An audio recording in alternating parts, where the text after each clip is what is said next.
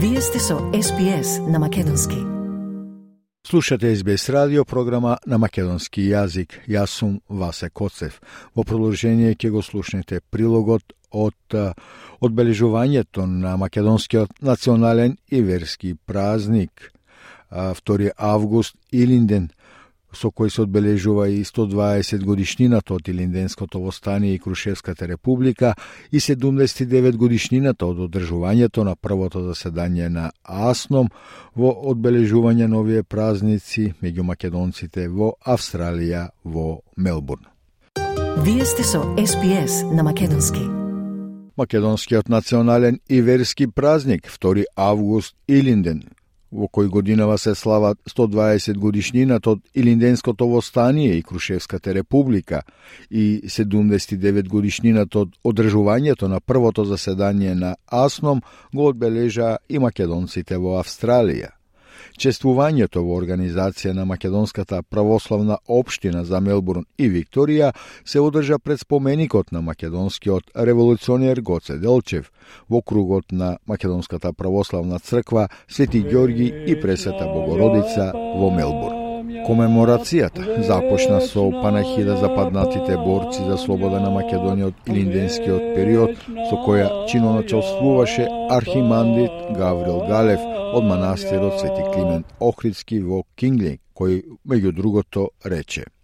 Нека Господ да ги проси душите на починатели чеда кои што положиле своите души, својот живот за татковината, а за нашата татковина Македонија.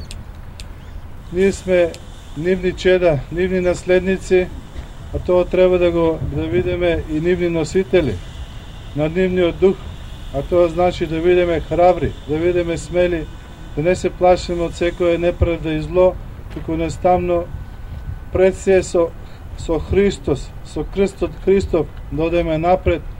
И како што тие го избрале празникот, да за ден за подигање на востанието, а тоа значи почет кон Бога, почет кон својата вера, така и ние секогаш во секој поход, во секоја наша препрека додеме со верата во нашиот Господ Исус Христос и верувајте дека тогаш најмногу ќе бидеме силни и најмногу ќе добиеме. Бог да ги простините души, вечни им слава, здрави и живи да бидете сите вие. Пред присутните на одбележувањето на 120 годишнината од Илинденското востание и 79 годишнината од првото заседание на АСНОМ зборуваше и секретарот на Македонската православна општина за Мелбурн и Викторија Дејан Змејковски. Господинот Змејковски, откако им се заблагодари на присутните за присуството на комеморацијата, меѓу другото рече дека нашите предци со кревањето на Илинденското востание разбудија оган во срцето на секој македонец. Илинден и ден денес живее во секое едно македонско срце и има посебен дух кој не изближува како македонци каде и да сме.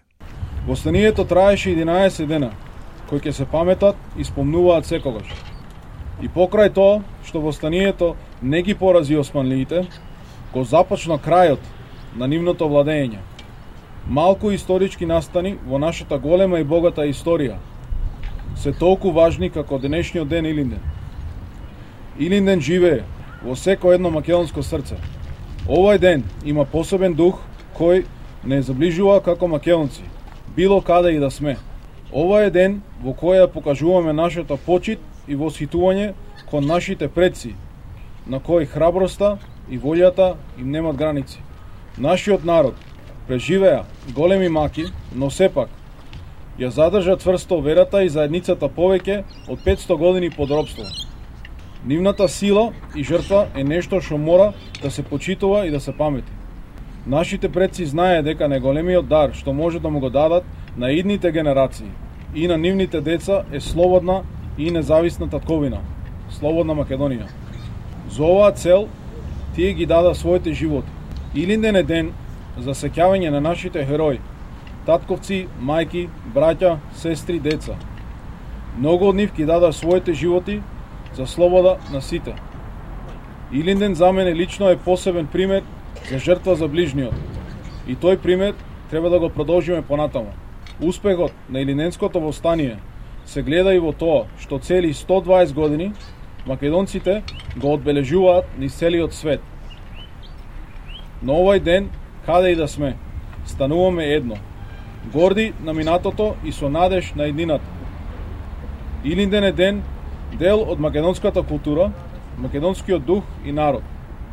За да не биде нивната жртва залудна, ние сме одговорни да го продолжиме нивниот труд.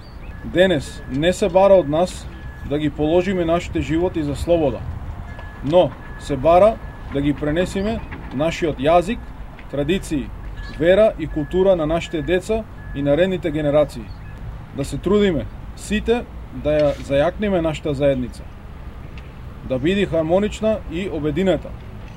Замислете колку би било убаво ако овој двор е полн со народ, со млади луѓе и мали деца.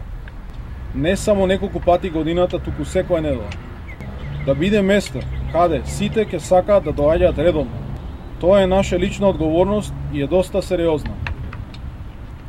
Имаме нова прилика и огромна можност преку културниот центар да ја оствариме оваа цел. Веќе имаме спомнато дека ќе имам библиотека и музеи во просториите на центарот. Големо задоволство ми е да ви известам дека овие простории се скоро завршени и се надавам наскоро ќе имаме свечно отварање. Би ве замолил сите да ја разберете нашата одговорност кон наредните генерации сериозно и да им покажеме со дело колку е богата нашата историја, колку е битно да си ја сакаме и негуваме нашата култура, вера и јазик. И на овој начин ќе им дадеме чест на нашите херои и да се собериме заедно, обедините и посилни од секогаш. Само на овој начин ќе сме вистински патриоти. Да живее Македонија!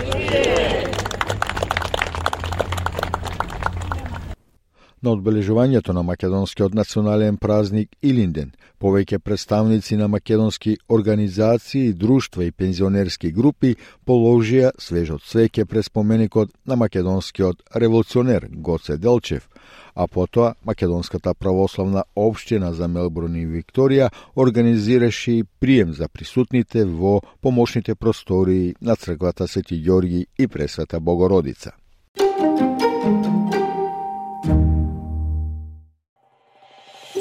Сакате ли да чуете повеќе прилози како овој?